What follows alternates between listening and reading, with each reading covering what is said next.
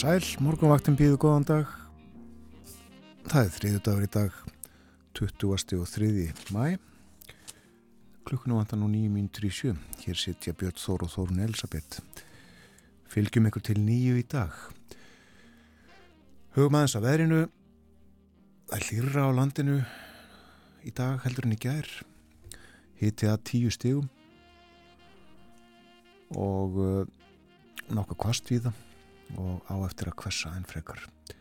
En förum yfir hittatöldnar sjöstega hitti í höfuborginni klukkan 6 lítilsáttar súld 8 gráður á Kvanneri 8 stega hitti líka í Stikisólmi 7 stega hitti á Patilsfyrði og 9 gráður í Bólingavík 8 steg á Holmavík 10 á Blönduósi.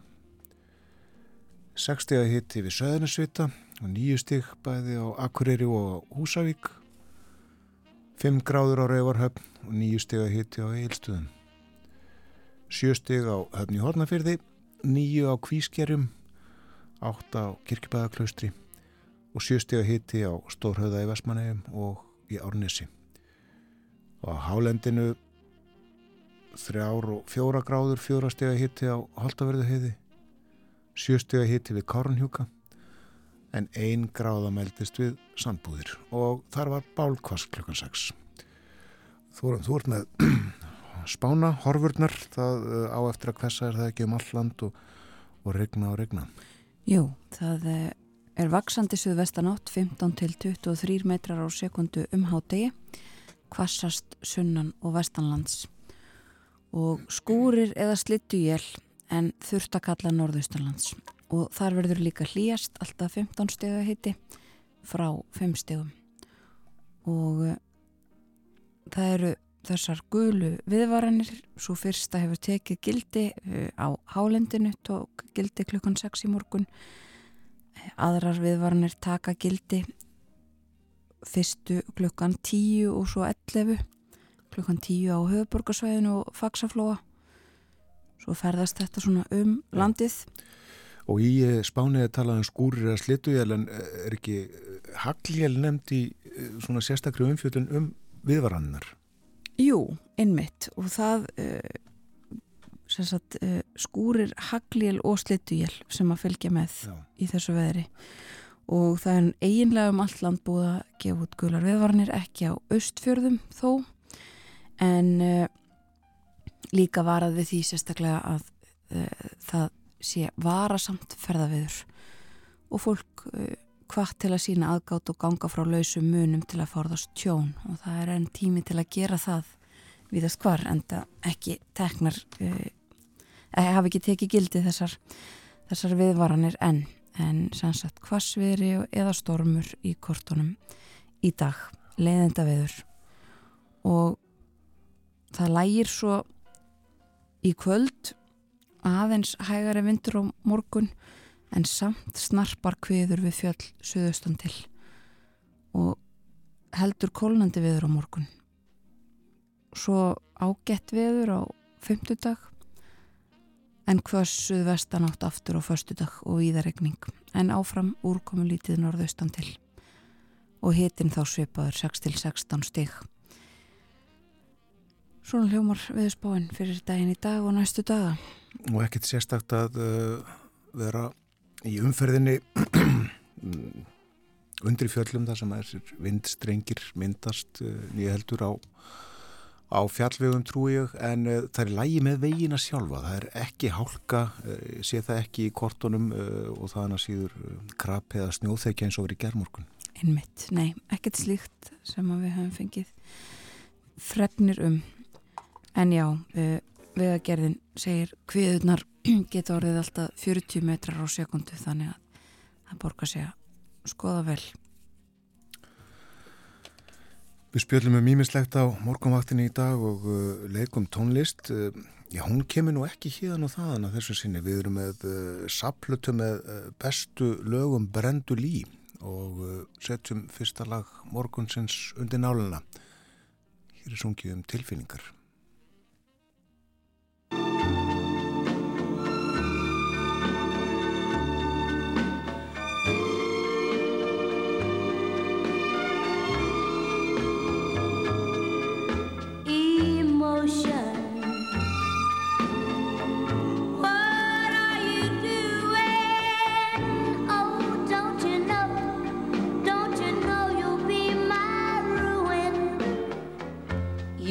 got me crying, crying again.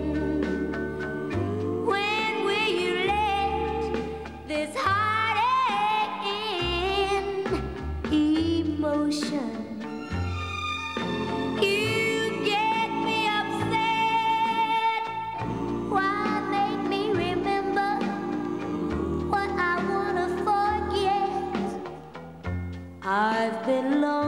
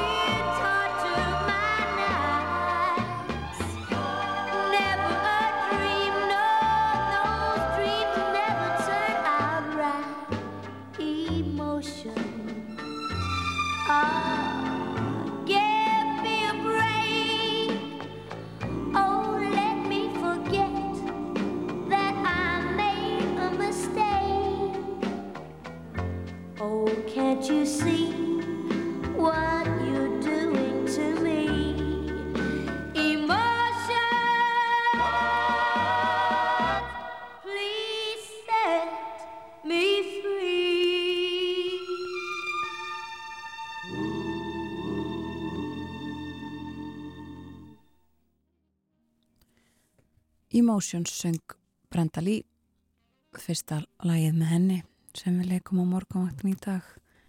Gerum ráð fyrir því að þau verið fleiri. Já, í handriti eru I'm sorry, weep no more my baby og Jambalaya. Við sjáum hver, hver, hverju við komum að. En hún byrjaði held ég 6-7 ára að syngja. Framöndan eru frettir koma á slæginu og þetta við förum ítalega við dasgráð þáttar þessi dag að þeim loknum lítum í blöðin og uh, hlustum á brendulín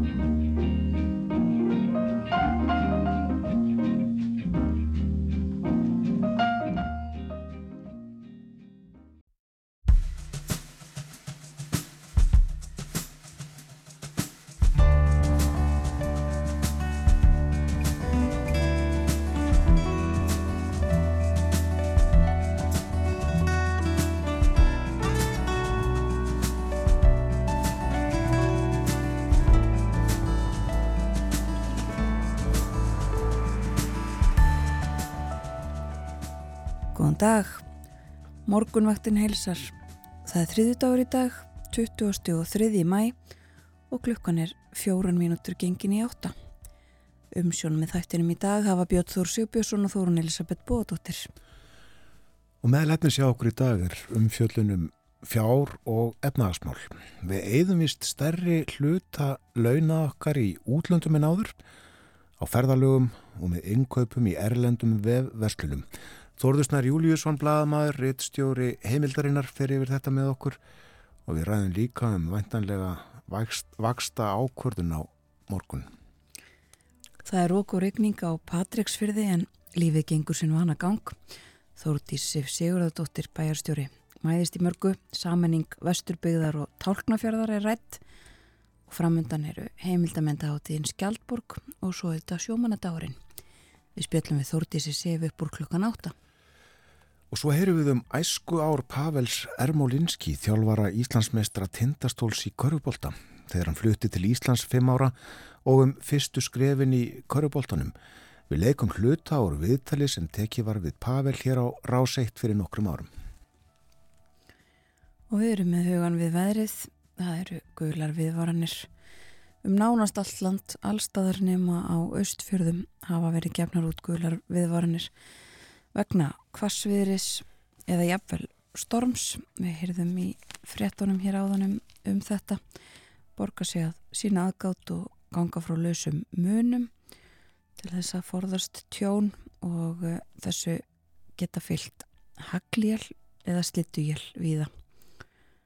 Og uh, leiðinda veður, það er bara einfalda leiðin til þess að orða það held ég. Leiðinda veður viðast hverjum landið minnst okkurst einhvern hlutadags um, en það verður þurft að kalla norðaustanlands og hlýjast líka þar. Dregur heldur úr vindi í nótt en verður kvast svo litið á morgun. Nema norðanlands þá verður vestlæg átt og um, mun kaldara en á femtudag verður þetta líka vestlæg átt á förstu dag komin aftur hvers suðvestanátt og víðaregning. Veðrið ekkert til þess að rópa húra fyrir svona víðast hvar en e, það hlýtur að koma vorfiður einhver tíma nú eins og fyrir segir þá er það e, verður hlýtt e, svona í og með á norðausturlandi. Hvernig allir við erum í öðrum á öðrum norðurlöndum í nágrannaríkjum okkar. Já, það regnir bæði í Kaupmannahöfn og Óslo í dag það er 13 steg að hiti í báðum borgum akkurat núna 14 gráður í Helsingi og þar mun sólinn eitthvað að skína og það verður sólskinn líka í Stokkólmi 17 steg að hiti þar núna. Það mun hanga þurr í Þórsöp þar sem er nýju steg að hiti en uh, það er eins og að þryggjastega frost í núk á Grænlandi en þess bara gæta að uh, klukkan er 5 þar að nóttu. Nú uh, nefnum hitastig í nokkrum öðrum borgum í Európu 13 gráður í París núna 11 í London 17 í Berlin og 19 í Róm. Svona svo dæmi séu tekin hérna úr álfunni. En þeir eru sumarleir og gladir í bragði strákatinn tveir sem að sjá má á forsýðu mynd morgumbladsins tekin aðeim í Mosfellsbænum í gær þeir fóru út að hjóla og uh, vættu kverkarnar í uh, vasshana eða krana við Álafosskosina í Mosfellsbænum.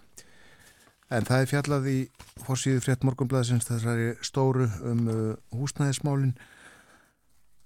Útlitið fyrir vaksandi spennu á íbúðamarkaði Enda heldur frambóð ekki í við eftirspurn og þetta á ekki síst við um félagslega kerfið og nefnt hér að það lengst mjög á byggðlistanum eftir íbúðum hjá Bjargi íbúðafélagi. Það eru nú þrjúð húsund sem að býða eftir íbúð og rætt við frangatastjóra Bjargs, Björn Tröstason. Hann uh, segir að bygglistar eftir hagkvæmum íbúðum haldi áfram að lengjast að óbreyttu og það er vitnað hérna í nýja hagspá alþýðusambandsins eða nýlega. Það sem segir að ekki hafi tekist að stuðla að auknu frambóði til að mæta líðfræðilegri þróun og aukinni fólksfjölgun í landinu. Og svo er hérna talað við Elmar Erlendsson sem er frangatastjóri Lánaðsviðs HMS, er það ekki húsnaðis og mannverkjastofnun ég held að en uh, hann segir skort á lóðum hamla uppbyggingu íbúða. Þetta er helst á morgunblæðinu. Nefna líka, uh, hér á baksíðinu er satt frá því að nú um helgina þá opnaði í uh, gestastofu Þingvalla þjóðgarðar á hakinu ljósmyndarsýning, síning á myndum sem að Gunnar G. Vigfússon ljósmyndari hefur tekið á Þingvallum frá heimsóknum þangað, ekki síst ópemberum heimsóknum, einnig frá uh, hátíðastundum. En uh, hann sem sagt tók sína uh, fyrstu mynd af ópemberi heimsókn í þjóðgarðinum fyrir 50 árum, 1973, þegar Margrit Þórheldur Danadrottning kom hingað á svona Henriki Eimanni sínum. Og myndaði þar gesti í allt til 2019 og yfirleitt síning sem sagt í gestastofinu á hakinu. Og það er byrt hérna mynd eh, af eh, Gunnari sem er að eh, sína gestum við opnun síningarinnar um helgina myndir. Og svo er byrt hér mynd frá því 1995 þegar dönsku fósættisráðra hjónin komu í heimsók til Íslands og hittu Davíð Ótsson og Ástriði Torrensen á Þingvöllum. Og það er standað þarna með reglívar bláar og kvítar í forgrinni og grunni og uh, þeir frak, frakka klættir Davíð og Pól Nýrup svona aðeins fyrir aftan og brosa í myndavilina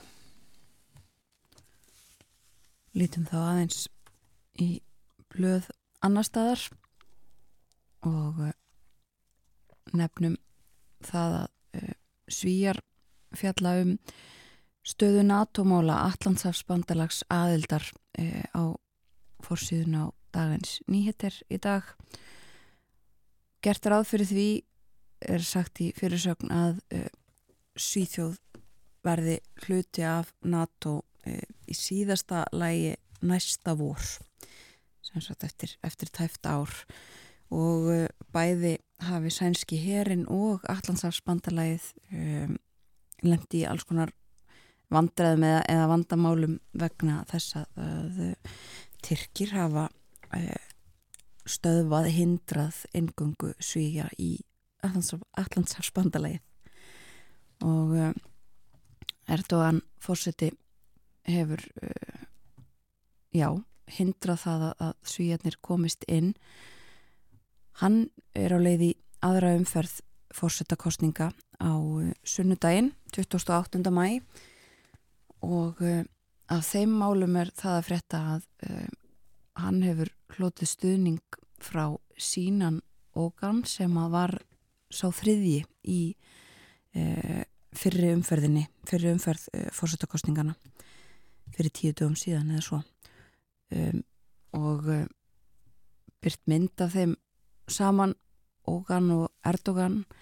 Um, Ógan varði í þriðasæti já fekk 5,17% atkvæða og stiður núna fórsetan sittjandi og ef að stuðningsmenn hans gera líkt og uh, hann bóðar þá uh, ætti það að duga Erdogan upp fyrir 50% og talið líklegt að hann haldi völdum, hann muni uh, hafa betur í þessari setni umferð. En þetta kemur í ljósans að á sunnudaginn? Já, og þetta var að Tyrklandi og við fylgjistu þetta með því um, en sví er sann sagt já með hugan við um, NATO og vil að nefna það líka að í sænskum fjölmjölum líkt og víða annar staðar er fjallað um bakmút í Úkrænu og uh, fyrir fólk sem hefur áskrift að uh, New York Times í bandaríkunum uh, má nefna og ég heldrindar að það sé hægt að sjá þetta að það voru sínt uh, eru síndar myndir sem voru teknar myndbönd með dróna sem að sína eðilegginguna í borginni. Það er áhrifða mikið að sjá myndbönd af, það er ekki eitt einasta hús sem að stendur og hakað búið að skemma þau öll sínist manni og ekkert líf neinstadar einlega og staðamála í Úkrænu þetta til umfjöldunar viða í, í erlendum fjölmjölum um, og við má bæta við að, að, við að skoða þessa myndir þá skilum aður uh, hvert Selenski fósetti var að fara þegar hann líkti þessu við Hiroshima á sín tíma, hann gerði það á uh, fundi leðtóa G7-ríkjana í Hiroshima Akkurat. og sagði bakmút er núna eins og Hiroshima var eftir atomsprengjuna Já, akkurat. Það er hægt að sjá þessar áhrifar miklu myndir á, á netinu og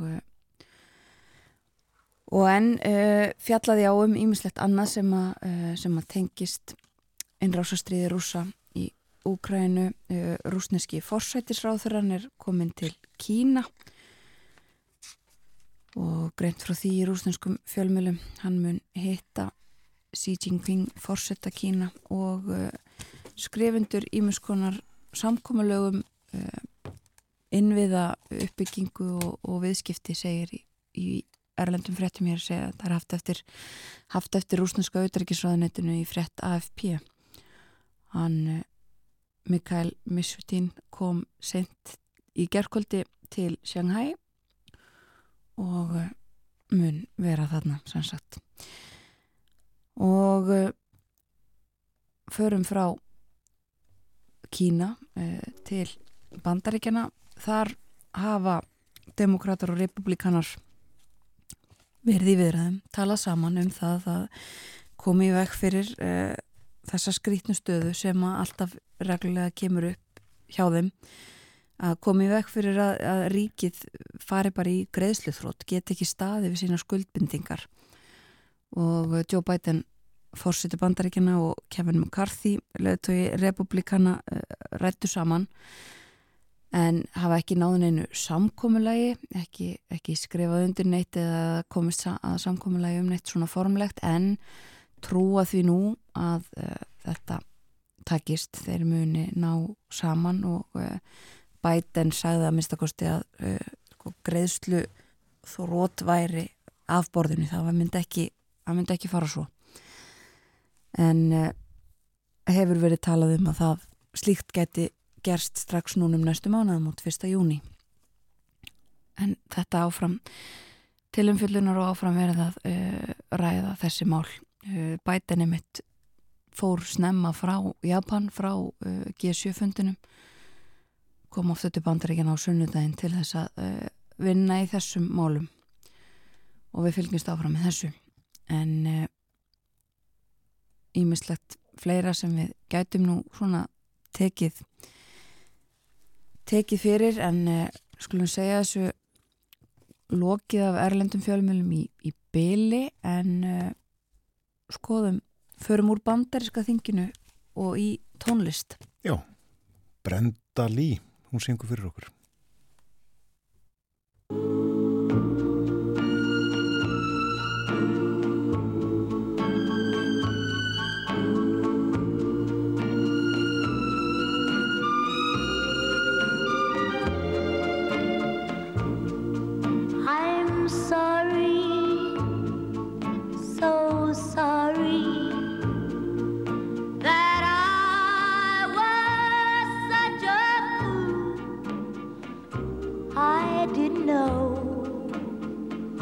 나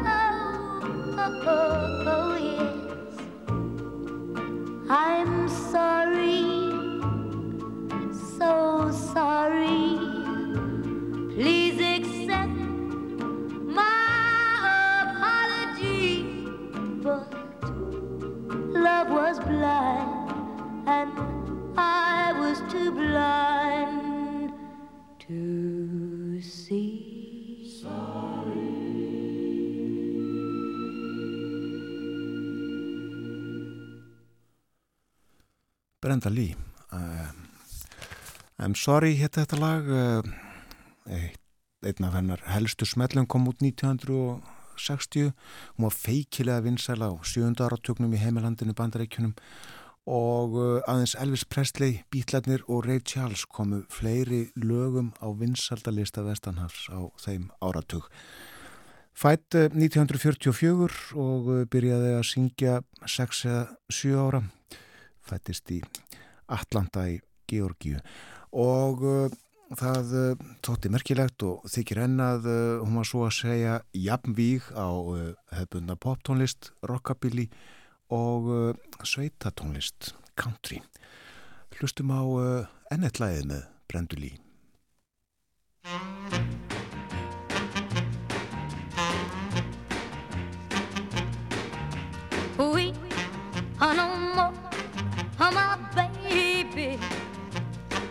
I'm a coming back to you. We are no more, my baby. Your lonely days are through. Whoa, whoa, whoa, whoa, whoa. Oh, wait, those teardrops, cause I've been lonely too.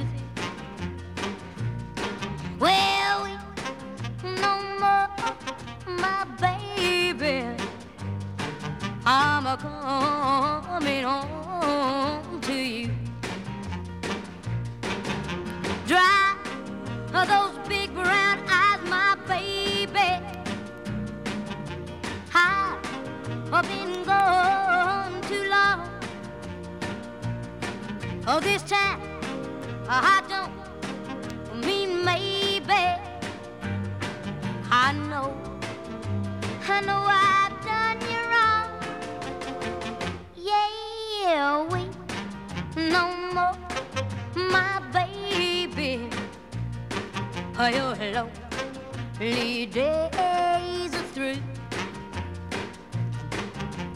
We no more, my baby. I'm a coming, coming home to you. Come on and smile for me, my baby. Your tears are making me so sad. I can't stay away no longer.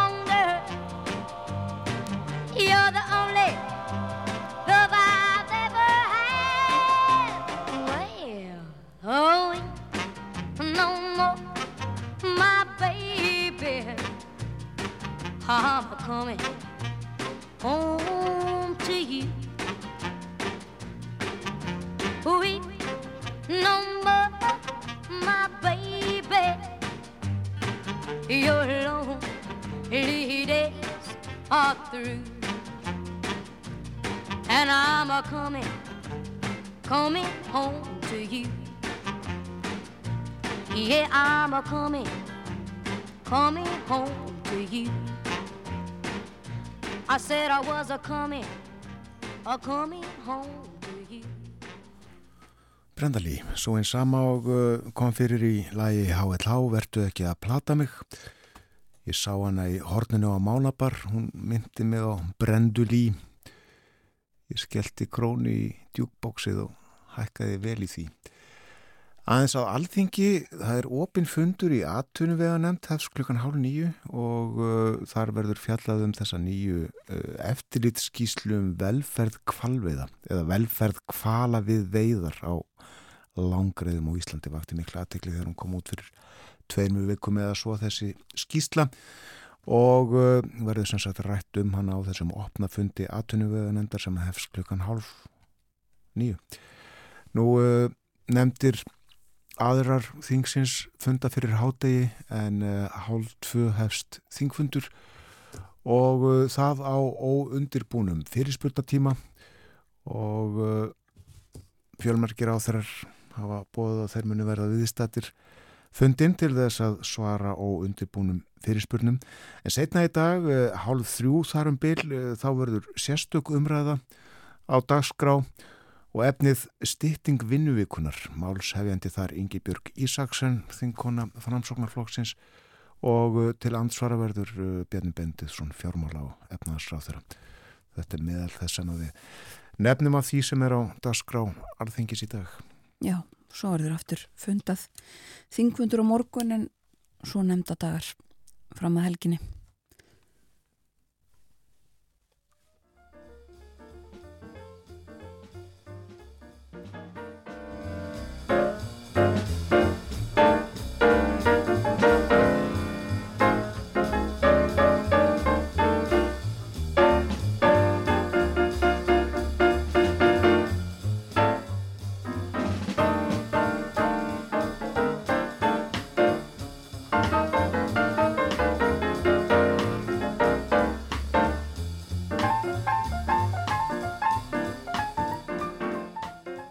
Förum að leipa fréttastofunni að yfirleitt morgunfrétta næst á dagskrá morgunvaktarinnar eftir fjórar mínútur eða svo.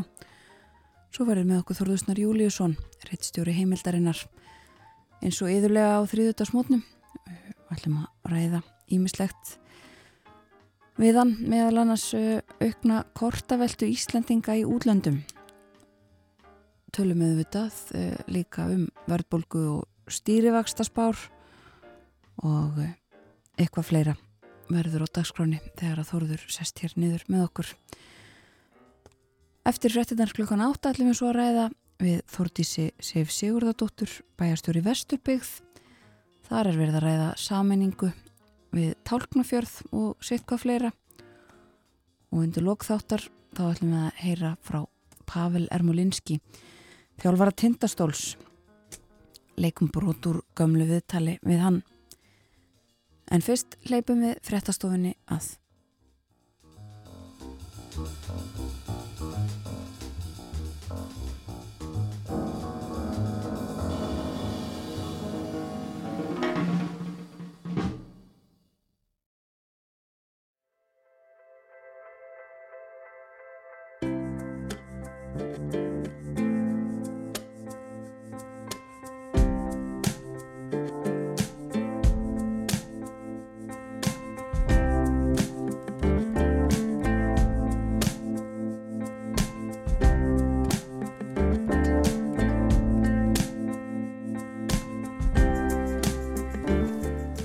Aftur þegar það hlusta á morgunvaktin á rás 1 klukka núna réttliðilega halv átta. Það er þriðu dagur, 20. og 3. mæ og uh, landi gullt, gular viðvarnir fyrir uh, nánast allt landið, alla landsluta, uh, östfyrðirnir undanskildir, ekki satt þorun?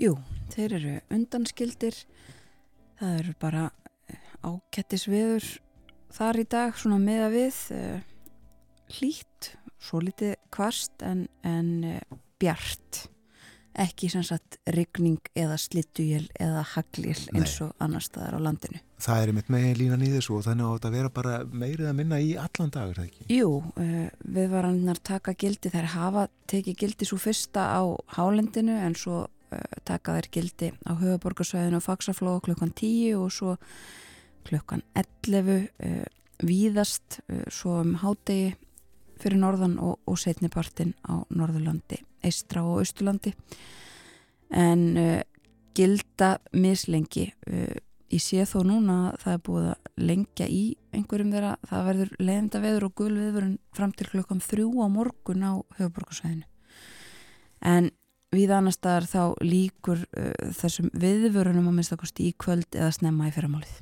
Akkurat Vona 80 flugulum til landsins í dag, eh, sumar lendar nú þegar og uh, það er líklega vel flestar þjætt setnar ferðamönnum sem uh, komin eru til þess að skoða landið en uh, þeim mætir sutti, er á að segja. En þessi ferðamenn kom með gjaldri við fögnum því, hjá okkur er sestur Þórðursnar Júliusson Rittstjóri heimildarinnar, við ætlum að spjalla um efnahag og samfélag hér næstu mínútur og uh, spjalla okkar í dag uh, litast nokkuð að því að á morgun miðugudag er vaksta ákvörunadagur hjá Sælabankanum. Þóruðsnær, velkomin og góðan dag. Góðan dag. Bankin kynnti núna ný, nýlega það sem að heita uh, væntingar markaðsaðila um ástandið framöndan, ekki satt? Jó, það má segja að hann hafi gefið út sína gulu viðurinn. Uh, reglulega kannar Seðlabankin væntingar markasaðila uh, til svona uh, stöðunar í efnaðslífunu og það, þegar við erum að tala um markasaðila þá erum við að ræða banka, lífyrirsjóði, verbreyð og fjárfyrsikarsjóði og önnur fyrirtæki sem starfa í fjármála geranum og helstu niðurstöða núna svona að gefa til kynna að, að uh, þeir sem svara fyrir hönd þessara fyrirtæki séu svart sítni en þeir hafa verið undafarið um, þeir spá því að niðurstur uh, könnarna eru það er svo að, að, að verðbólka verða meðaltali 9,4% á yfirstandandi ásfjórungi sem er svona doldið fyrirlikjandi að hún verði eitthvað stað þar. Við fáum nýja verðbólku tölurvæntalega á förstu daginn og erum, það er búist við að hún lækki uh, smá veis en ekki mikið, far ekki fyrir niður fyrir 9% um, gerir ráð fyrir því að, verðbólgan fari síðan að hérna en að hún verði ennþá 6,3% eftir eitt ár og 4,5% eftir tvö ár. Og þetta er meiri verðbólga en, en allir þessir aðeinar samanlagt spáða meðaltali í síðustu könnun sem Sælabankin gerði sem var bara í janúar. Uh, og það sem kannski verra er að langtíma verðbólgu væntingar, það þjála orð sem gefur til kynna uh, sko hérna uh, hvernig þróun verðbólgurinnar verður til framtíðar, hvort okkur takist að, að, eitthvað neginn að ná böndum á hana uh, það er væntingar hækka á milli kannana og nú er gert ráð fyrir að verðbólga verði að meðaltali 4% á næstu 5 árum og 3,5% á næstu 10 árum og við skulum muna það að við erum einhverjum peningastefnu sem hefur það markmið að vera með 2,5% verðbólgu. Þannig að samkvæmt þessum langtíma verðbólgu væntingum eru við ekki að fara að ná því markmiði á næsta áratug. uh, það er uh, svona e- eitt sé hjó eftir í niðurstöðu þessara könnunar sem ég fast átti sláandi og það var breyting á afstöðu svaranda til taumhalds peningastefnunar og það er raunverulega aftur ef maður þýðir það yfir á, á, á göttumál, það er bara hversu vel uh, aðgerir Sælabankars býta uh, hversu uh, vel hérna þeim text að ná þeim markmiðum sem þeir eiga að ná í janúar uh, töldu 28% að taumhaldið væri oflaust þar að segja að, að hérna að Sæðlabanki var ekki að uh, gæti beitt fleiri og skarpari aðgerðum til þess að hérna ná markmiðusunum. Núna það hlutveld komið upp í 66% sem bendi til þess að, að fjórumála geirin lítið sem svo á að, að Sæðlabankin eigi að ganga harðar fram uh, í því að reyna að stemma stegu við verðbólkunni uh, og uh, það er búist við því að, hérna, svona niðursta kannanar er, er að vextir Sælabankans, stýrivextir Sælabankans sem verða nýjir stýrivextir sem verða kynntir núna á miðugudag, þeir muni hækka um 1% stig og að, að, að stýrivextinni verði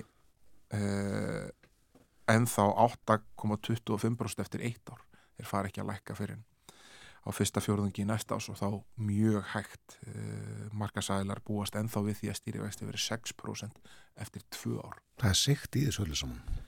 Já, þetta verðist alltaf að vera mjög langvinn og verðbólka sem er mjög erfið viðregnar uh, og það eru þetta alls konar hluti sem spila þar inn í það hérna, verðist vera að hún er ekki alveg að býta nægilega fast þar sem hún þyrti að vera að býta eða stýrifæstahækkarinnar er, er býta nægilega fast þar sem hún þyrti að vera að býta við sjáum til dæmis ennþá húsnæðisverðir að hækka.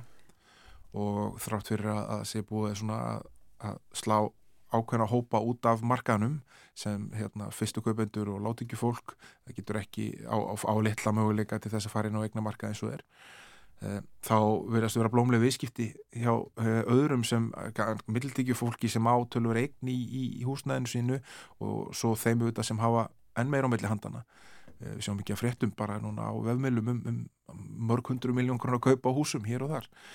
Eh, og eh, þannig að þetta er ekki að slá á hækkun húsnæðisvers á milli mánuða þátt fyrir að ástakturinn sé að læka þá er hækkun samt á milli mánuða og svo erum við ekki að sjá kannski uh, ja, uh, mikla bremsu á enganislunni eins og vonir stóðu til. Uh, við getum til dæmis hort á bara kortaveldu íslitinga Erlendis sem var ja, hún var upp á ást 2015 var um 10% kortaveldu ísliskra heimalega sem var Erlendis. Þannig að þess að ein krónakarinn 10 sem að fólk eitti, eh, hún fór til útlanda. Á kortónu sínum, já, og þannig eru þetta bæðum ferðalög Erlendis að ræða og líka netverslun sem eru þetta að vaksi mikið á undanföldnum árum. Eh, Þetta hlutu alltaf komið upp í svona 15% áruna korunveru faraldurinn skall á.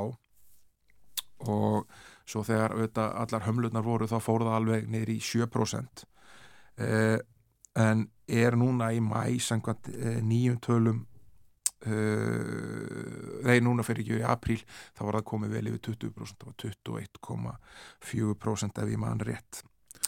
Og það fyrir þá að hérna að Íslindikar eru sannlega að eða miklum penningum ernetis þrátt fyrir að það sé verið að reyna að draga úr eins og fræktir orðið þannig að tásumundunum á tenni. Mm -hmm. bæði í ferðalög og, og netverslun. Uh, þannig að þarna er þetta ekki að býta ja, skamt og, og uh, vonir stóðu til. Og hagvöxturinn hérna þetta hefur verið drefin áfram taldið af enganislu ásamt, ásamt ferðarþjónustunni það er að segja við erum að eða meira, spartnaðurinn sem farið yfir hérna nokkur spartnaður sem sapnaðist upp í COVID og, og svo þessi kaupmáttur sem Íslandikar hafa byggt upp á, á undarföndum árum sem er núna farin að ganga verulega tilbaka. Um, en það er alveg blikur á lofti varðandi þetta. Við, við hérna, færum okkur úr erlendir kóltavertu yfir í Hagsbá Alþýðusambands Íslands. Já, það er einmitt komið inn á þetta sem þú ert að nefna, enganesluna og, og bataferðarþjónustuna sem hefur verið svona drivkrafturinn í þessu hagvæsti í fyrra og nú er útlitt fyrir einhverja breytingar þar á.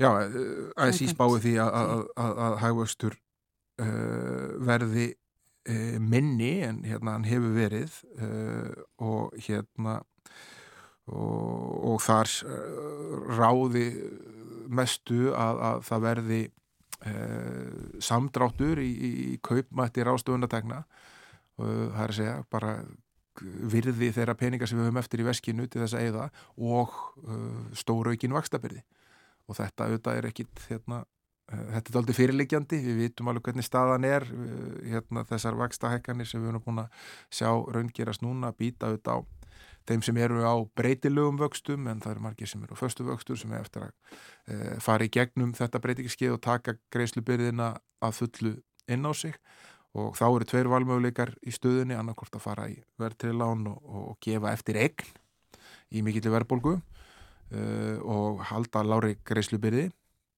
eða uh, fara á breytilega overtræða vexti og auka greiðslubyrðina ja, rúmlega töfaldana vantarlega í mörgu tilfellum. Uh, þannig að uh, það er svona að út frá þessum fórsöndum þá er, er að búast við því að, að, hérna, að enga neyslan muni dragast verulega saman uh, í nánustu framtíði eða strax á næsta ári. Já, en ASI gerir ráð fyrir því að verðbólgan hafi náð hámarki. En eins og aðrir, eða eins og, já, eh, þeir sem við vorum að tala um, áðan gera ráð fyrir því að, að hún verði áfram þrálátt. Já, og það eru þetta, uh, sko, merkurum bálsins að, hérna, að alla spátna gera ráð fyrir því að hún, og hún er komið núna á það sem kallast á breyðungurunni, það er ekki svona einhver einn uh, kraftur að toga hana áfram uh, í þessar hæðir, uh, hún er búin að smita út frá sér allstaðar og þess vegna er hún mjög erfið viðurregnar ASI spáið því að, ég menna við vorum með 6,4% hagvist í fyrra eftir uppgang ferðarþjónustunar á árunni 2022 og spáði því að hagvistunum farin í 3,1% í ár og 2,3% í fyrra sem eh, já, svona á hagvakstar árum á Íslandi er ekkit eh, svakalega mikið. Við vorum með hérna, 1,8% 2019 þegar váfóru hausinn. Mm -hmm. og svo þetta eh, neikvæðan hagvakst í fyrsta ári COVID og hérna en 2,3% er svona hérna, fyrir söfluhakkir í Ísland eh, ekkit svakalega mikið á, á, á, á hagvakstar ári Nei.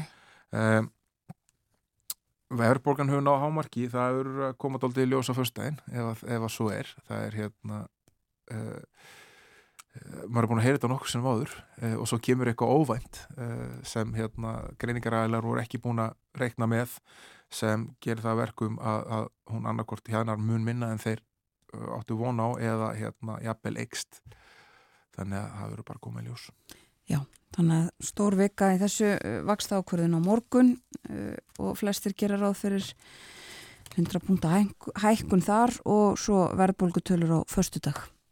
En það hefur líka verið uh, þorður, já kannski í takt við þetta rauðartölur í, í kaupallinni.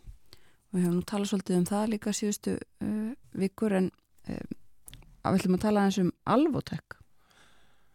Já, uh, og höfum svo sem gert það áður en, en þetta er mikil uh, rússipanna reið sem er þessi stað með það félag uh, sem náði því takmarki að, að verða, eða þeim áfanga að verða verðmætasta félagi í kaupöldinni hér á Íslandi í desember síðastlinum en tap, þrátt fyrir að vera rekið í miklu tapi, tapað um 70 miljardum króna í fyrra og uh, það var á þeim fórsöndum að framöndan væri mjög blómleg tækifæri í því að marka setja uh, livjahliðstæður á bandaríkjamarka er mjög vermaðar livjahliðstæður og leifi til þess 8. fást 13. apríl síðastlinn og það leifi fjækst ekki nýtt og frækt er orðið mm -hmm. og núna er alvotek með aðra umsókn í gangi sem á að skilja í nefnustu sent í mæ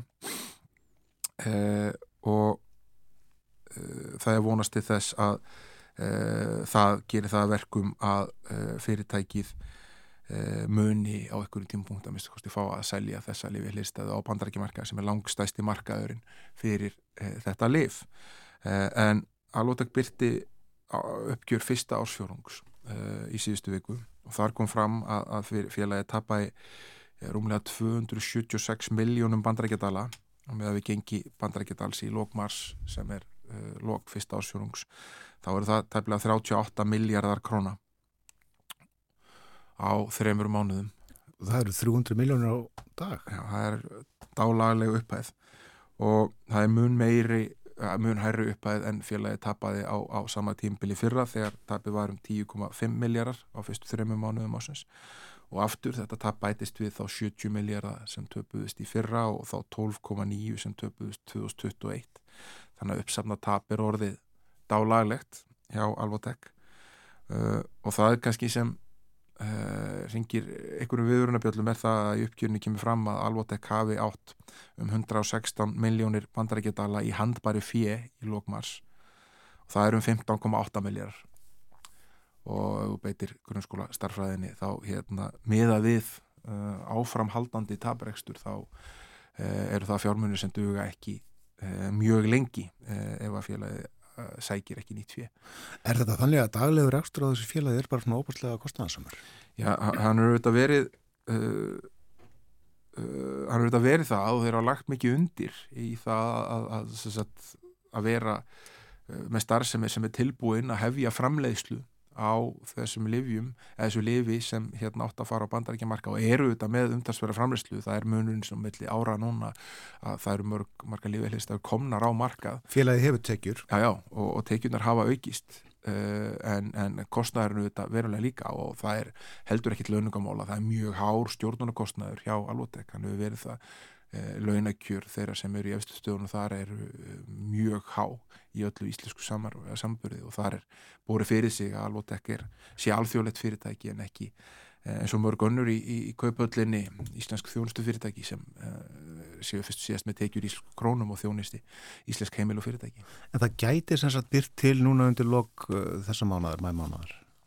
Það er von allavega á uh, hvað niðurstöðu frá lífi eftirlitinu bandaríska eða hvað? Já, það eru þau vonast þess að, nei fyrir ekki það er í, í júni, 28. júni Það er ennþá mánuður Já, það er ennþá mánuður í það sagt, hinn umsókninu markaslifandi eh, markaslifi er fyrirlikjandi hjá bandarskilifi eftirlitinu og frestust þess að afgreða hann að rennur út 28. júni og, og það eru ennþá, já, vonir til þess að hérna að Alvotek fáið á eitthvað svona markaslifi og geti farið á markað eh, kannski ekki fyrsta júli eins og stemt var að sem er kannski dátur stuttur uh, fyrirværi hérna á milli en, en hérna svona á sambarlu svipum tíma og félagið fór uh, ætlaði sér sengvat plani og í tilkynningu til kaupallarinnar uh, var haft sagði að Alvotek hafi óska eftir fundi með þeirri deild bandarskja lifi eftir litsins sem ber ábyrða úttektum á lifjaframlegundum til að ræða hvort svör fyrirtækis við aðtúasöndum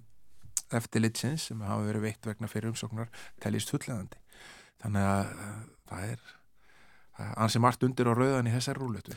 Já, og það eiga einmitt ymslegt uh, undir þarna ekki síst lífur í sjóðunir sem að fjárfæstu í þessu félagi. Íslenski fjárfæstar eigum 9% í Alvotek og þaraf eru uh, íslenski lífur í sjóður sem eiga fyrir og keiftu í félaginu fyrir á þessu ári fyrir umtalsverða fjármunni þegar Alvotek fór í það að sækja sér fjö yfir eina helgi uh, þegar svona uh, stemningin í, í kringum Alvotek var aðeins öðru sem hún er núna. Já, svona gengur þetta fyrir sig. Þakkaði fyrir að vera með okkur í dag, Þorður Snar Júliusson. Við eigum nú eftir að ræða verðbólgu og, og vextina hér á morgunvaktin í fyrramáli vaksta ákvörðunin tilkynnt klukkan hálf nýju.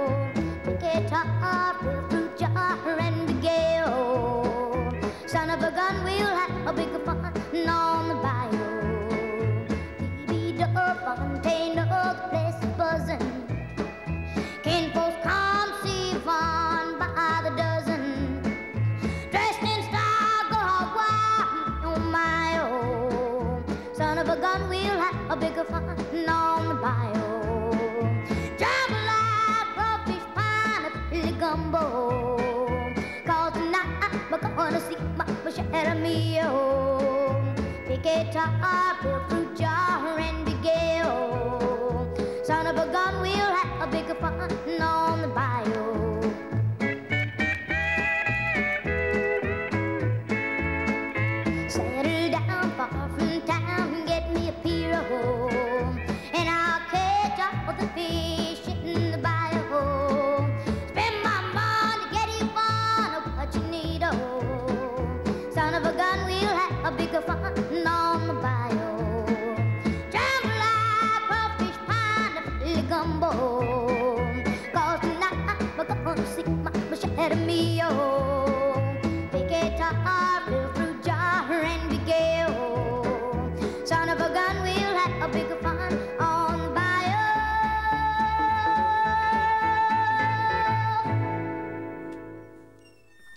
Brenda Lee og uh, líklega fjórðalagi sem við leikum með henni á morgunvaktinni þennan morgunin Jambalaya söngu núna. En uh, hér fyrir morgun uh, Weep No More My Baby I'm Sorry og uh, Emotions. Fjögulegu með Brendulí, já og höfum fengið að heyra þennan fjölbreytileika í uh, tónlistinennar sem þú myndist á snemma í morgun. Pop og rockabilly og Já. sveitatónlist. Þóttu merkilegt og þykir enn. Já, það fyrir að líða fréttum. Það er koma á slæðinu átta morgun fréttinnar frá fréttastofunni. En uh, við ætlum að að þeim loknum að uh, tala við Þórdísi Sif Siguradóttur hún er bæjarstjóri í Vesturbyggð og þar er ímislegt um að vera. Meðal annars verið að skoða uh, saminningu Vesturbyggðar og Tálknafjörðar Það eru að verða 30 ár síðan að Vesturbyggð varð til uh, þegar að Patreksfjörður og Bíldudalur saminuðust en eru og hafa verið þennan tíma með Tálknafjörð þarna á milli sín. Ætlum að tala við Þórdísi um þessi mál en ímislegt fleira það er kvítasunnu helgi framöndan og um kvítasunnu helgina þá er skjaldborgarháttíðin haldin á Patreksfjörði og uh, við ræðum eitthvað um það og svo bara uppbyggingu, atvinnumál uh, tengist nú því sem við vorum að ræða við Þórsna Júliusson. Það eru þessi stóru mál uh, atvinnumálin uh, húsnæðismálin. Þau eru svipuð viðfangsefnin um allt land og svo í lókþáttar þá verður annað á dagskráni þá ætlum við að uh, forvitnast um uh, Pavel Ermolinski. Hann er þjálfari Íslandsmeistaraliðs uh, Karla í Körfubolta. Tindastól varð uh, líka Íslandsmeistari fyrra sem leikmaður með val og mörgum sinum áður með káer uh, og uh, það var fyrsta árið hann sem þjálfari. Við ætlum að fara í safnið hjá okkur og skoða og heyra uh, gammalt viðtal frá árunni 2015 þar sem að Pavel segir frá því hvernig uh, og hvenar hann kom hinga til lands. Allt þetta á eftir á dagskrá-morgumvaktarinnar í dag og sem fyrir segir þá ræðum við svo áfram um, um vakstamál, uh, efnahagsmál á morgumvaktin í fyrramálið þegar að uh, Sælabankin kynir stýrivexti og flestir gera ráð fyrir hækkunum þar eins og Þóruðsna Júliusson fór yfir með okkur hérna áðan. Hann fór ítalega yfir könnun á væntingum markaðsaðela og uh, flestir gera þeir ráð fyrir því að það verði töluverð hækkun. Vextinnir hækki ég vel upp í 8,5% megin vextinnir á morgun en það kemur í ljós þá.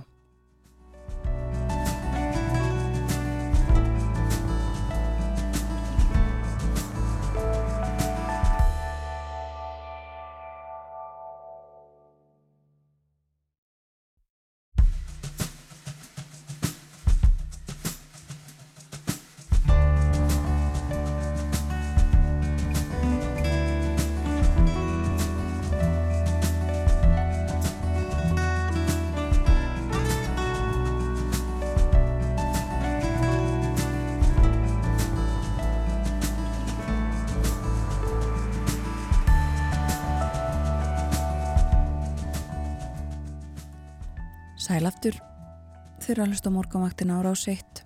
Klukkan er 6 mínútur gengin í nýju og það er þriði dagur, 20. og 3. mægi í dag. Hér fyrir fréttina rættum við við Þórðsnæði Júliusson, verið stjóra heimildarinnar um efnahagsmál og eh, komum við að við minnum á það svo að á eftir ætlum við að heyra viðtal við Pavel Ermolinski. Korfubólta mann, korfuknallegs þjálfara núna. En uh, næstu mínuturnar ætlum við að ræða um stöðumála í Vesturbyggð. Í símanum er Þórti Sif Siguradóttir bæjarstjóri. Þar, góðan dag. Já, góðan daginn. Við verðum að byrja á því að uh, spyrja til veðurs. Það á nú að vera leðenda veður á landinu öllu í dag. Um, en hvernig er veðrið uh, hjá ykkur núna? Það er rauninni bara hæglegt veður, svona smá vindur og, og, og regning. En hérna, við erum bara öll, öllu viðbúin held ég. Já, þá að verða ansið leðilegt veður eins og ég segi uh, um allt land nánast setna í dag.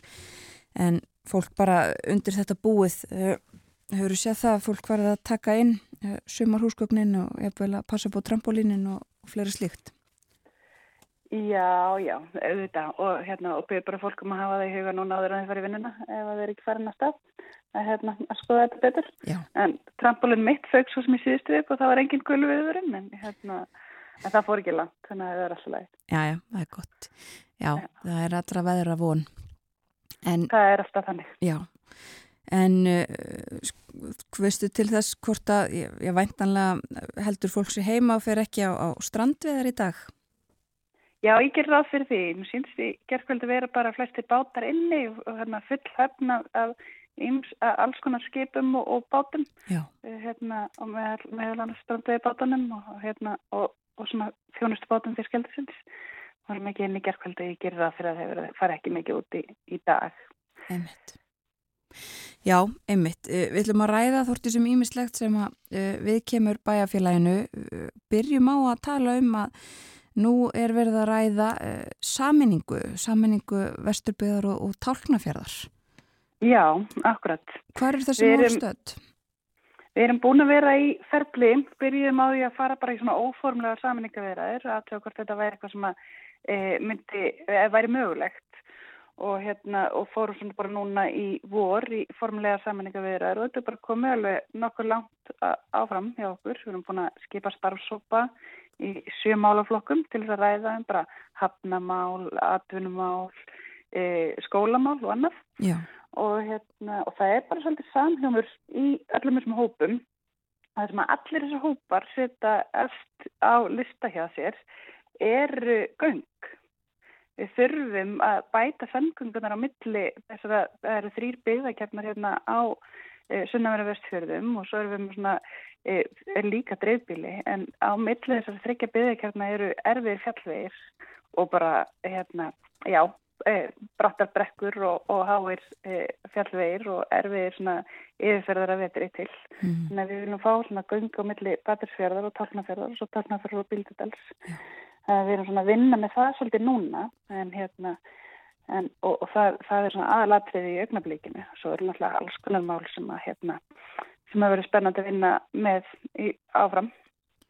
Já, uh, og það er að, að mörga huga við svona saminningu Já, algjörlega. Og ég held að við að fáum alveg að hérna fáum alveg reynslenu frá þeim sem hafa bæði farið í saminningu og klára það og, og líka þeim sveitufélagum sem hafa hérna, þar sem að uh, saminningum hefur verið hafnað. Það hefur hvað sem saminningu hérna áður. Akkurat. Þegar vesturbygð var til þá hafnaði talna fyrir rektur saminningu við vesturbygð uh, hérna, og svo hefur þetta verið reynd aftur. Já. En nú er svona kannski aðeins meiri samljómur og mikið samstóru millir sveitafélagina en við vitum alltaf aldrei hvernig kostingarna fara. Það enda semst með, uh, hérna við erum að undirbúa núna íbúa kostningar sem að verða í haust. Það verða íbúa fundi núna í byrjun júni þar sem við erum bara svona að fara að heyra í öllum íbúum og vonum að vera vel mætt á þá fundi. Það hérna, þar sem við viljum svona heyra í þeim hvernig hverja þeirra aðaláherslur eru eða á samningu verður. Einmitt. Einmitt, eh, og eins og þú segir, þetta hefur verið eh, reynd áður og, og þessu hafnað um, sko, og kemur í ljós bara í haust hvernig, hvernig fer hjá ykkur núna. Það er, eh, og hefur töluvert verið til umfyllunar bara þungur rekstur víða hjá sveitafélögum. Hvernig er staðan ég bæði hjá ykkur í Vesturbygðu og kannski svo líka á uh, Tálknafyrði? Um, sko, í báðum þessu sveitfélagum er svolítil innviðaskuld uh, þar sem að íbúa fjöldi á vestfjörðum og hann fór bara uh, fækkandi frá 1983 með kvotakerfinu mm -hmm. og hérna uh, en fór að fjölga bara núna fyrir kannski 5-6 árum síðan þegar fiskeldi fór almennilega stað og ferðarþjónustan var svona meiri Þannig að hérna núna síðustu svona 5-6 ára hefur fjölgatölvert í þessum sveitafélögum uh, og þar uh, og þá kemur náttúrulega því að við þurfum að fara að borga einveðarskuldin okkar, hérna, laga gödurnar og, og, hérna, og stækka leikskólana. Uh, þannig að fjármálun eru alveg ágætt allavega hjá Vesturbygð, var svolítið þungt árjáðinni fyrra en svona horfið til betri vegar á þessu ári og, hérna, og þeir eru ekki fastlæmri stöðu að þetta sé óákjósanlegt en hérna, eh, en tálknaverðarreppur er náttúrulega eh, tölvist minni en Vesturbygð en ég held að við verðum bara sterkari saman. Það skiptir máli að, hérna, að geta verið með e, fleiri hendur og, og hérna, til þess að vinna þessum verkefnum. Já, og það eru auðvitað tölverð samstarf þarna á milli uh, nú þegar. Já, já, alveg mikið samstarf. Við erum með hérna, sama slekkulistjóra, sama félagsmálaföldtrúa, e, sama tómstundaföldtrúa og, hérna, og vinnum, erum að vinna mikið saman í alls konar málum og það er, við erum með sögum áherslur og hérna, áskoranir. Já. Þannig að við tölum mikið saman við hérna, e, sveitstjórnaföldtrúar og, og, og bæjarstjórar hérna, í þessum sveitfélagum. Akkurat. Þú nefndir uh, uh fiskaldi og, og ferðarþjónustuna. Uh, sko, tölum aðeins um atunumólinn. Já, akkurat.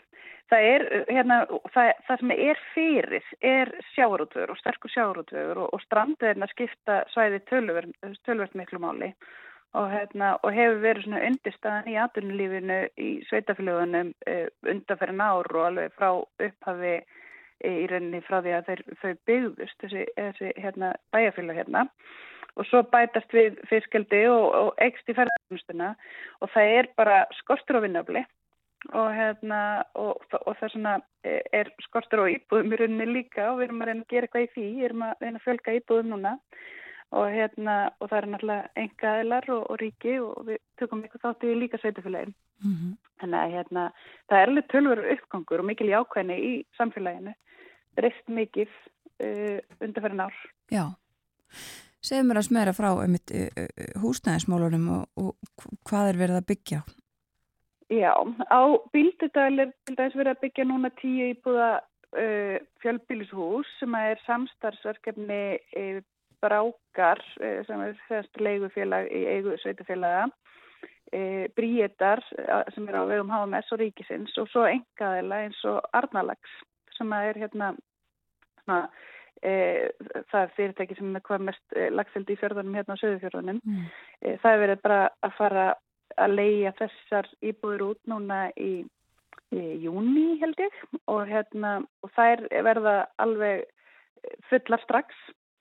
E, síðan er búið að heimila stort fjölbílishús hér á Patrísfyrði sem er ég bý og það er um það byrja 13-14 íbúða hús vonandi verið að fara að stað með það. Það er líka verið að byggja einbilshús og búið vera að byggja parhús og, og annað slíkt á svæðinu.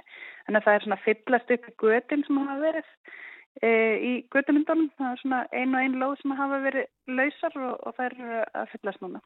Þannig að hérna, og svo erum við bara í samskipt við að hafa með sem frekar í uppbyggingu og, og yngaðilega líka. Bara hvernig getum við unnið að þessu áfram. Já. Þannig að það sem verið er að byggja núna, það mun ekki, það dugar ekki til.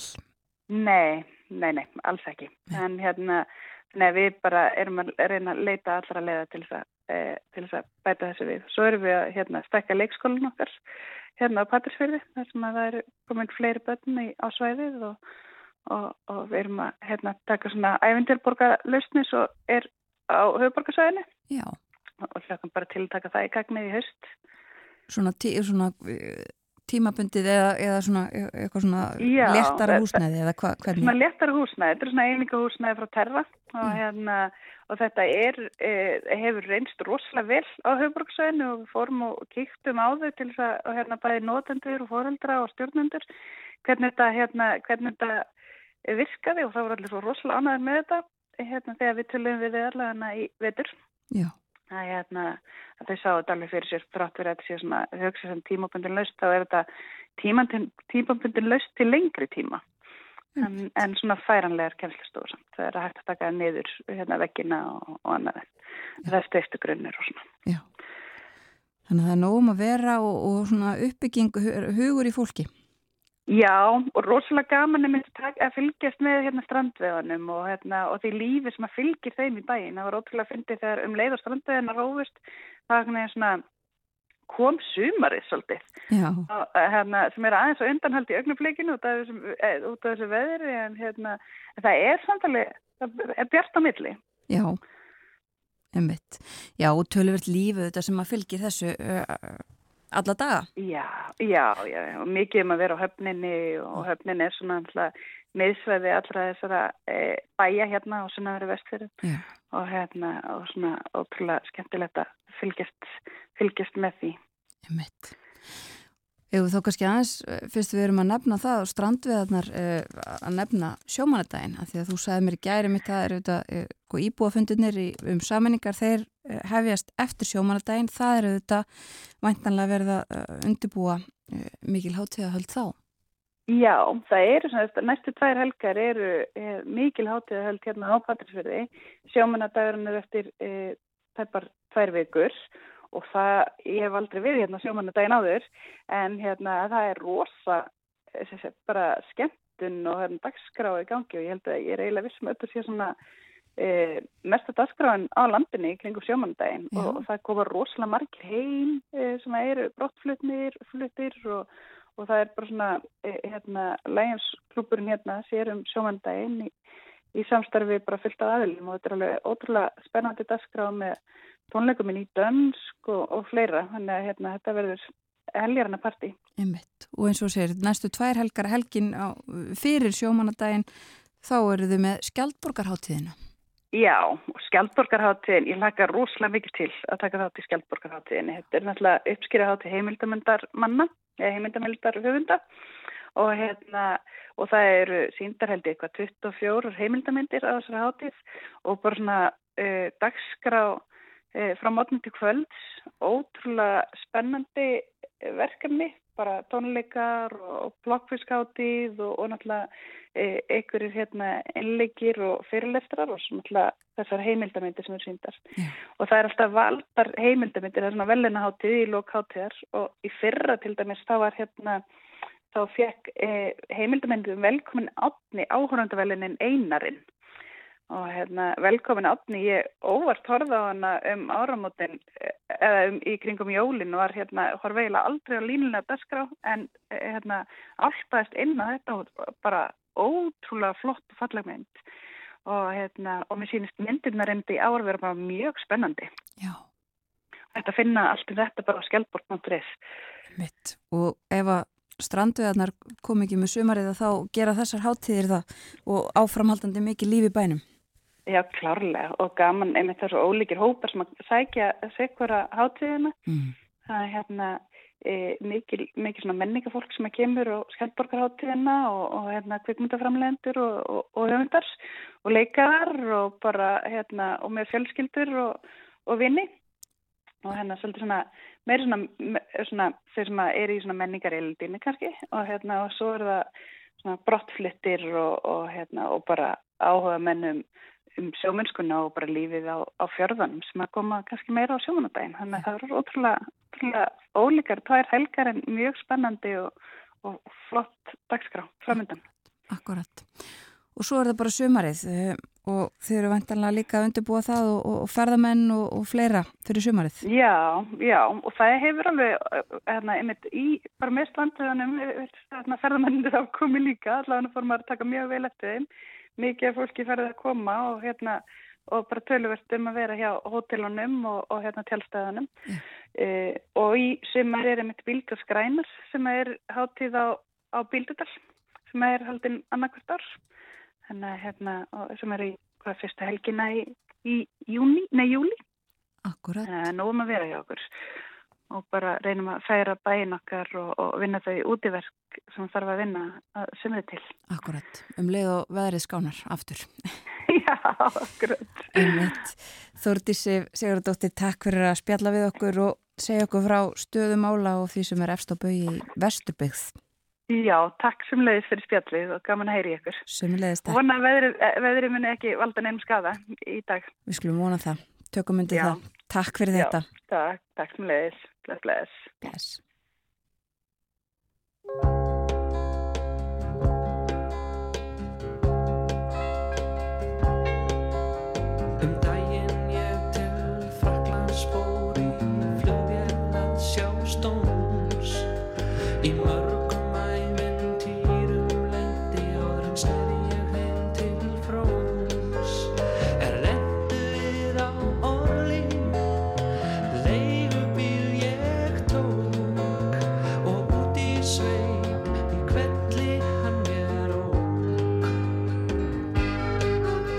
也罢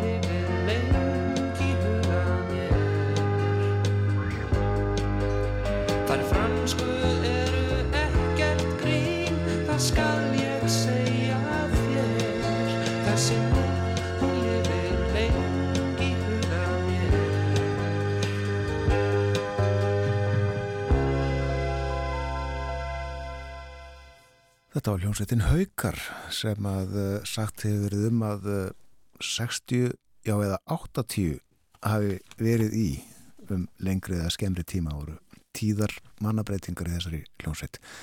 En uh, þetta lag ferði mín til Fraklands eftir Magnús Kjartansson og það er skíjað í fransku höfuborginni núna en má búast við sítið sól í París í dag. Klukkan 25 minútur gengin í nýju það hlusta á morgunvaktina á rás 1. Frettæfliti framundan fyrst auglýsingar og eftir frettæflit þá förum við í sapnið okkar og draugum fram viðtal, sjóra viðtal við eh, Pavel Ermolinski. Hann þjálfar tindastól í Köruboltanum, tindastól var Íslandsmeistar í síðustu viku. Við eh, heyrum brotur uh, þessu viðtali við Pavel Það sem hann segi frá því þegar hann fluttist til Íslands fjögur eða fimm ára gammal.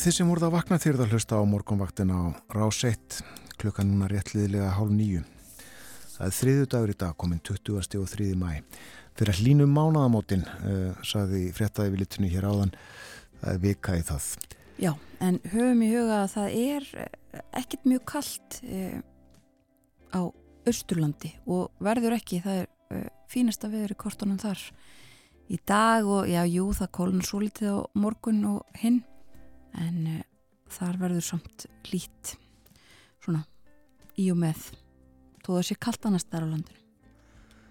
Og frá veðrinu Tindastól varði í síðustu viku Íslandsmeistari í Körfubólta Karla.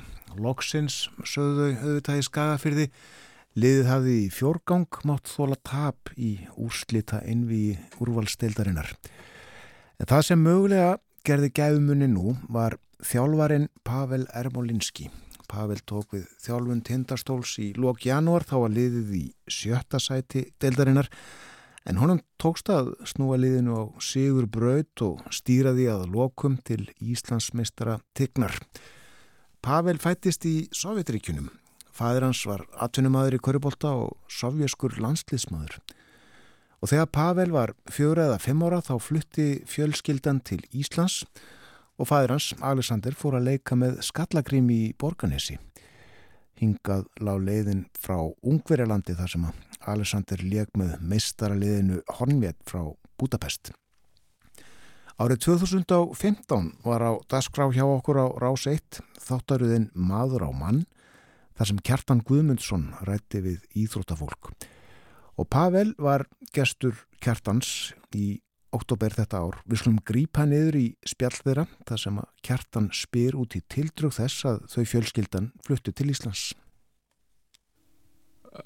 Við vorum þá í, í Ungverjalandi sem pappi var að spila og ég þekki ekki alveg tinginguna þarna sko en, en, en þjálfæri borgarni sem var Bryggi Mikar svona á þeim tíma þekki ekki alveg tenginguna þarna hvernig hann komst eða frétti af pappa, komst í sambandi við pappa uh, en endaði með því að, hún er búin samningur í borgan sem að spila í borgan þessi og þeim tíma var fjölskyldan náttúrulega, eða fólkdra mín voru fyrst og fremst náttúrulega hugsa um að kannski koma okkur bræðrónum í eitthvað betri aðstöð staðan þarna var eins og, eins og hún var sko, fyrir austan þannig að það var svona fyrst og fremst að hugsa til þess.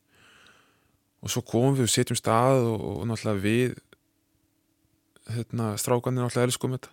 Ég kemur náttúrulega fjögur ára og og þú veist, þú getur ímyndaðar frelsi sem að færi í borgan þessi svona með Sovjetiríkin uh, þannig að það, það var hérna mikil viðbreyf fyrir fóldra mína, ekki fyrir mig ég vissi ekki neitt. Ég var ekkert í minn haus á þeim tíma. Það var frábært, en, en, en fyrir náttúrulega fyrir fóldra mína, mamma mín var mjög ána hún hérna náttúrulega sá fram á að við strákunum myndum eða gott líf enna og pappi, sko pappi var náttúrulega miklu betri leikmaður en til þess að vera að spila á Íslandi, sko. Landslýsmaður Úslands Já, Sovjetríkjana Sovjetríkjana, sko. enda stærra þannig að, að uh, þetta kom körfubolt ekkit við sem slíkt. Þetta var bara svona flytting og reyna, reyna hérna, að skapa okkur eitthvað betra líf. Og, og það rættist aldrei úr því, hérna erum við þá Og unglingsárin uh, voru mikið til á, á skagan Já, svo flyttum við upp á skaga flyttum upp á skaga, ég var í sjöttabekkaldi þá, þá flyttum við upp á skaga uh, pappi þá byrjar að þjálfa þar í að og spila eitthvað með og, og þar eru við og þar er hérna ég veit ekki, svona í minningunni þá, þá hérna í minningunni þá þykir mér alltaf vætna um borganes en akranis, en það er kannski eðlilegt ég hugsa að Láttu ekki skagamenn að heyra þetta.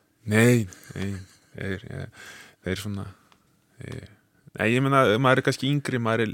Það er mótunar árin kannski svo. Já, og svo fer maður kannski á þessu erfiðu úrlingsár og, og það er allt erfiðara og svo alltaf, við veitum að spila líka inn í þetta borgarni sér körfubólta bær mm.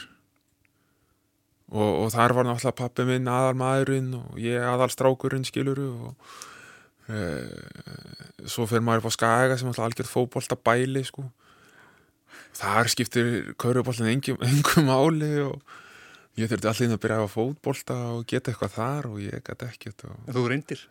Já, ég var ágjötur, ég líði. Ég var ágjötur, ég var hérna sterkur vinstri bakverður. Og... En, en það var bara ekki, ég segi alltaf að það verður ekki verið nú haldið nógu, nógu, nógu þétt auðvitað um, um, hérna, um æfingarnar hjá mér.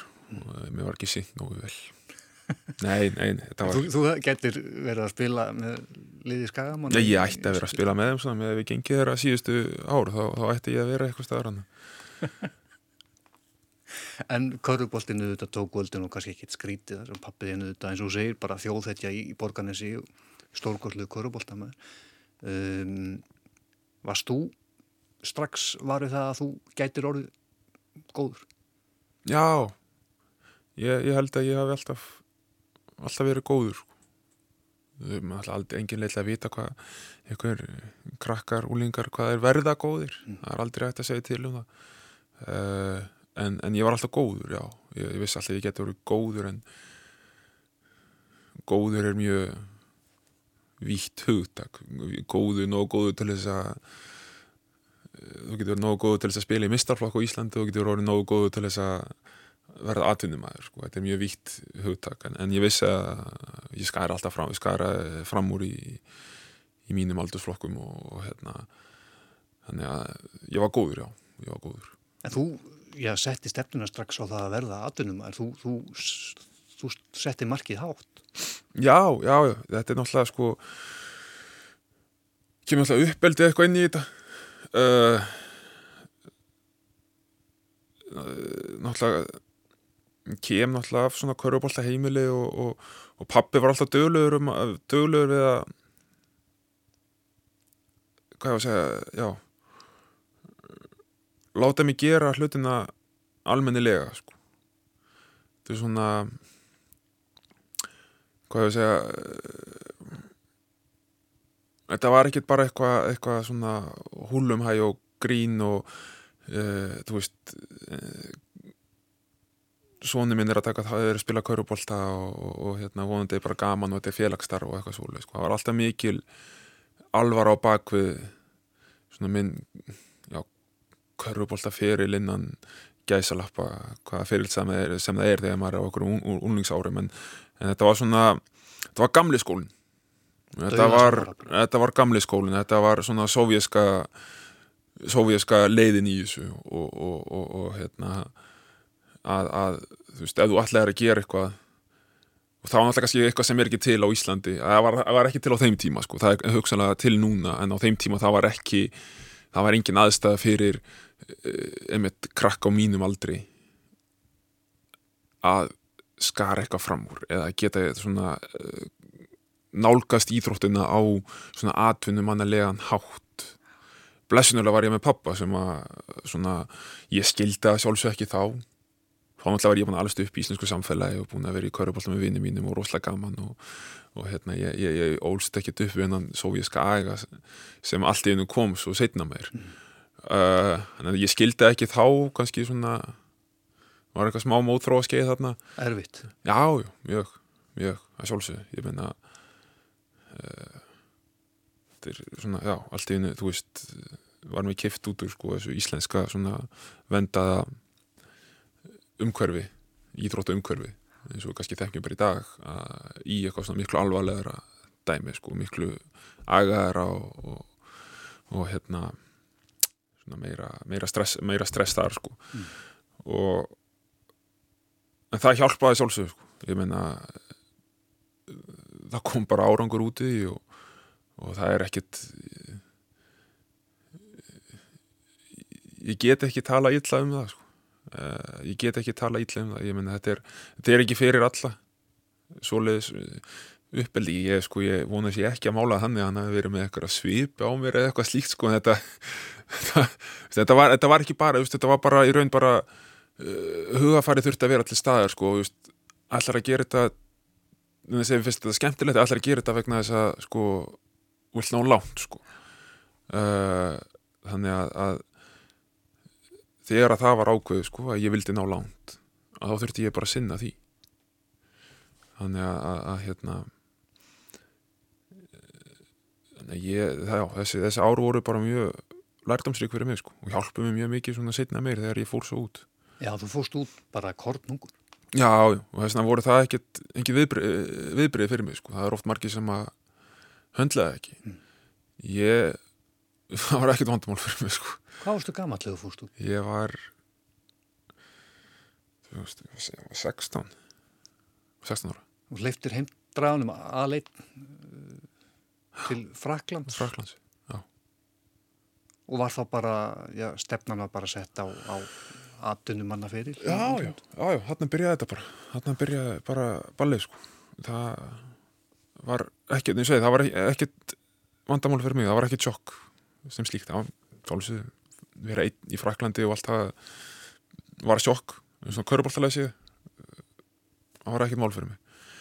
En, en uh, ég var mjög venduð umkörið þarna í Fraklandi en það var ekkert ekkert vesen sko. Var mjög þægilegt, mjög þægilegt ár. Það var, það var svona, þetta var ekkert svakalega stórt batteri þannig sé, svona lítið lít, lítill klúpur allt til alls samt, góð umgjörð ekkert stress en það var mjög gott ár mjög gott ár og það fór ég til spánar og þá svona byrjaði á svona miklu starra dæmi sko. rosalega mikil körubólt og þjóð Já. spánverjar já, já, það var mikill uppgangur sérstaklega á þeim tíma sko. og ég fer hann allir Malaga það var svaka, svaka pakki sko. það var það var hérna uh, risaklúpur risaklúpur, bara eitthvað eitthva svona bara fyrirtæki, bara risa fyrirtæki og þar bara voru gerðar bara kröfur sko, þú veist bara standaði og það var hérna hvað sé, það var rosalega metnaða fullt svona yngri flokka prógram hérna sko. Og svo eins og ég kem inn, ég er 17 ára sko, ég er settur í sko aðal ég settur í að æfa með aðaliðinu sko. Uh, það var náttúrulega alveg, alveg svakalegt, það var sjokk sko. það, það var fyrst skipt sem ég lendi í svona einhverju sjokki sko. Uh, og svona allir bara, þú veist, bestu leikmenn Evrópu hérna samankomnir með mjög harðan þjálfara og, og hérna, tók smá tíma að venjast í. En van, vandistu því að lókum? Já, já, já, já, það kemur. Ekki nógu vel, sko, ekki nógu vel. Það er svona hvað ég var að segja, sko, ég, ég hérna en það fóru því, sko, að vera svona sem sagt, sko, þú veist mjög svona skara mjög fram úr mm. alls það sem ég var, sko, heim á Íslandi ég fóðlega Fraklands landsliðinu, yngreflokka landsliðum ég, ég skaraði mikið fram úr á þessum tíma og mjög, mjög efnilegur mjög góður og hérna en þarna sko var þetta svona í fyrsta skipti sem ég lendi í svona aðstæðum þar sem að uh, ég er settur með aðaliðinu mjög svona kröfuharðan og mjög góðan þjálfara.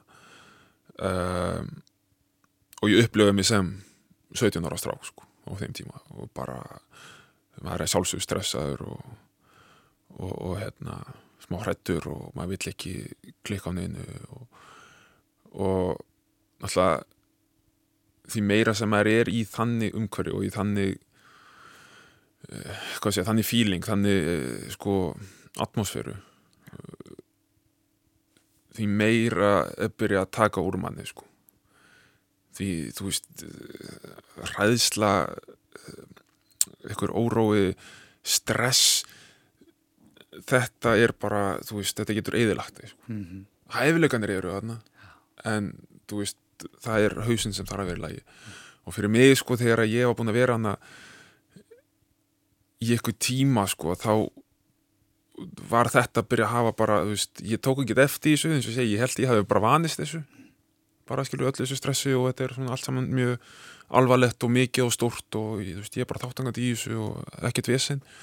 Uh, en þetta var sem denda á greilana í mér sko og, og það svona, kannski svona setni mér átti, átti eftir að hafa áhrif á bara ferilið minn sko þetta, þessi, þessi tilfinning sko ja. dróðdóldið með dúr þessu sjálfströsti og, og, og hérna og hausin var ekki alveg í lagi sko Þú varst á Spáni í mörg ár, gott að það voru ekki rúmlega fimm ár sem þú já. varst á Spáni og, og gekk já, upp og ofan. Já, ég segja, bara þessi besta lýsaði henni, sko, upp á og sko, upp og niður og niður og upp, þetta, hérna, uh, ég kem alltaf út á hann að 17 og ég með aðaliðin og ég spila mjög lítið fyrsta árið. Spila mjög lítið fyrsta árið ég spila ekkert með aðaliðinu en svo er ég náttúrulega með veist, er mjög stert svona úlingaprógram hann á Spáni og veist, það eru allskyns Evrópugefnir og mikið, ég spila ekkert í því í raun og veru, sko, vegna þess að þjálfarin vildi hafa mig á æfingum. Og ég fekk ekki að fara í hitt, sko. Og þannig er ég bara búin að, veist þetta, þetta fyrsta ár fór veist, ég lærði ótrúlega mikið á þessu fyrsta ári en þetta fyrsta ár fór mjög svona uh, svona setna meiri, maður ma ma horfður tilbaka núna þá var þetta fyrsta ár mjög slemt fyrir mig sko þannig að þannig er bara kift út úr svona maður, maður er, þú veist efnilu leikmaður og maður er ákveðnir svona uppleið. Þannig er mér aldrei svona kift út úr því. Uh, og svo hérna eru þeir sem sagt sko með svona með varali sem að spila í næst eftir til þá. Og ég spila svo með þeim næstu tvö ár mittlega sem ég er að flakka á æfingar svo með aðaliðinu mm. um, það gekk ágætlega. Fyrst ári var svona allt í lægi, setna ári var svona gott bara mjög gott eiginlega sko. Og, og mér fannst svona að komið svona góður uppgangur aðna uh, svo þá, þá komið sem þetta síðasta árin á samningnum mínum og þá er svona venjan að þeir lániði burt í eitt ár. Í eitthvað leið til þess að sjá hvort að þú myndir synda eða sökva og það voru nokkuð leið sem vildi fá mig og, og eitthvað leita vegna ákveðu þeir að velja sko bara sterkasta leið sem var í bóði og ég ferði hangað og það ár var ekki gott. Ég spilaði ekkert annað. Og hérna spilaði ekkert meiðist erfitt ár. Og svo hérna tekið árið eftir það í næst eftir dild en þá er ég komin í ykkur svona rullu sem að ég bara, þú veist, ég var orðin einhver allt annað leikmaður heldur en heldur en ég hafi verið svona á mínum uppvakstar árum þá, þá var ég allt annað leikmaður heldur en ég var allt í einu orðin sko. uh, Búin að týna sjálfur þér bara. Já, algjörlega, sko, algjörlega, búin að týna því sem gerði mig að þeim efnilega leikmaði sem ég var og ég hef búin að aðlaða mig að sko einhverjum leikmanni sem að innmett svona gerði fá mistök allt á hreinu, þannig að komum aftur að þessu kannski þessu sjokki sem maður lendi í þarna fyrstum sinna á spánu sko, að, að það, þarna kom það í ljós að ég var búin að búin að hérna, aðlæða mig að einhverjum svona að gera mig að einhverjum svona leikmanni sem að er eitthvað rosalega pottþéttur sko en mjög óspennandi. Búið að gelda þig svona íþrótarlegan hátt kannski? Já, ég, ég bara sjálfur gerði það sko. það var engi sem gerði það, ég sjálfur bara á einhvern hátt bara með tímanum gerði ég það bara sjálfur. Og, og, og tók engar áhættur og, sem var svona það sem ég gerði. Mm. sem slíkt sko. það var það sem ég gerði. Ég, ég var vildur og ég var, ég var hérna tók margar áhættur og ofta en ekki skilaði eitthvað góð og það var það sem kom mér á framfæri og svona á mínum yngri árum. Mm það var allt farið á þessum tíum punkti og þá hérna, tekið þetta hérna, ár þar er í þessu bara bulli, það var bara leðilegt allt saman. Árið þar og eftir á byrja ég hjá öðru leði það er svona þjálfari sem ég þekkti og óttu svona komur að stað aftur. Að hann var bara rekin eftir nokkra leiki. Hann var rekin, það var einhver innan bæjar pólitík, einhver, einhver bæjastjóra sem vildi losna við hann og eitthvað. Um, þá kom nýr þjálfari sem bara já hann bara ég, ég var bara ég var ómerkilegri en, en, en þessi stóll fyrir hún já bara að, ég held að hann hefði ekki vita hver ég væri. Og hann bara vildi losa, losa sig við mig strax og það voru samningar og, og hérna það var mikið, þetta var svona skemmtilegu tíma á sín hátt svona, margar, svona, ekki skemmtilega minningar en svona ótrúlega minningar sko, þar sem að uh, þú veist þeir allir að reyna að bara bóla mér út úr klubnum sko, skilur á þess að þurfa að borga með neitt að, að ég myndi fara. Veist, mæta æfinga klukkan veist, sjö morgunin ef ég er svo aðeins og seita ári í sektaður um ökkar fárulegur upp að þeir sögðu ég væri alltaf þungur ég var skinn og bein eitthvað tvítuðu strákur eða eitthvað 22 eða eitthvað ég, ég, ég var ekki neitt sko. Alltaf þungur, ég ætti að léttast um eitthvað 5 kíl og, og hérna en þannig um áramútin þá þá kem ég bara heim og segi ég bara stopp ég þarf aðeins að hérna aðeins að, að, að, að koma bara undir mér fótunum. Ná áttum. Ná áttum. Pavel Ermolinski, Pavel Sigurvegari, nýju sinnum Íslandsmeistari í Kvörubólta, fyrst með KR 2011, svo 2014, 15, 16, 17, 18 og 19 með KR og Íslandsmeistari með Val 2022 og 2023 Íslandsmeistari sem þjálfari tindastóls. En uh, Kvörubóltalífið ekki alltaf dans á rósum eins og framkom í þessu viðtali Kjartan Skummissonar við uh, Pavel í þátturöðinni Maður og mann sem var á dagskraf hjá okkur hér á ráseitt uh, árið 2015. Þetta var síðasta viðtalið, síðasta atriðið á dagskraf morgunvaktarinnar í dag.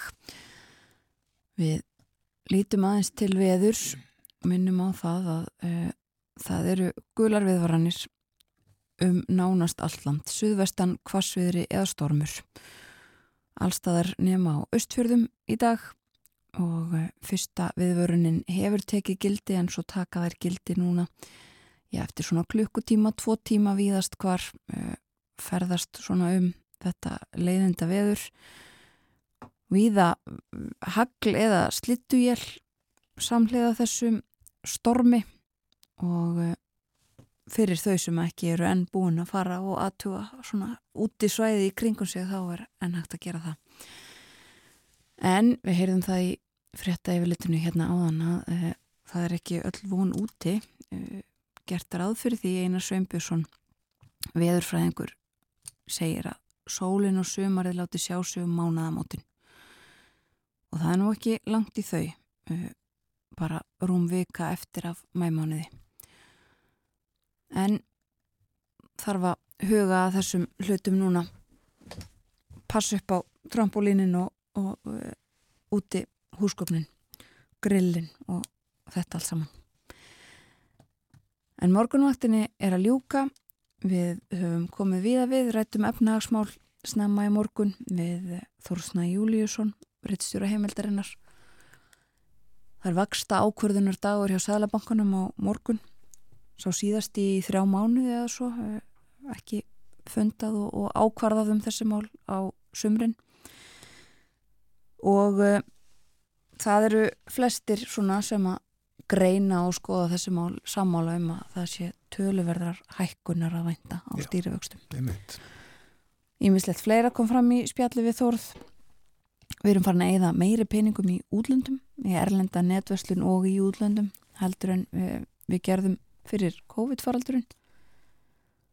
Einn af hverjum 5 krónum uh, fer til útlanda hjá okkur núna. Og svo rættum við um stöðumála og lífið og tilveruna í Vesturbygg Þórtís Sif Siguradóttir bæjarstjóri þar var á línunni eh, fór yfir stöðuna eh, saminningar áform við Tálknafjörð og aðeins um lífið eh, það færist líf í bæina þegar strandviðarnar hefjast og svo eru hátíðir framöndan sem auka bara á lífið. Og svo núna síðast heyrðum við Pavel Ermolinski korfubólta manni og þjálfara markvöldum Íslandsmistara Hann talaði um uppvöxtinn og fyrstu orðin í korubóltanum. Svona á morgunvattin í dag við verum hér áttur í fyrramáli þökkum samfélgina. Verðið sæl.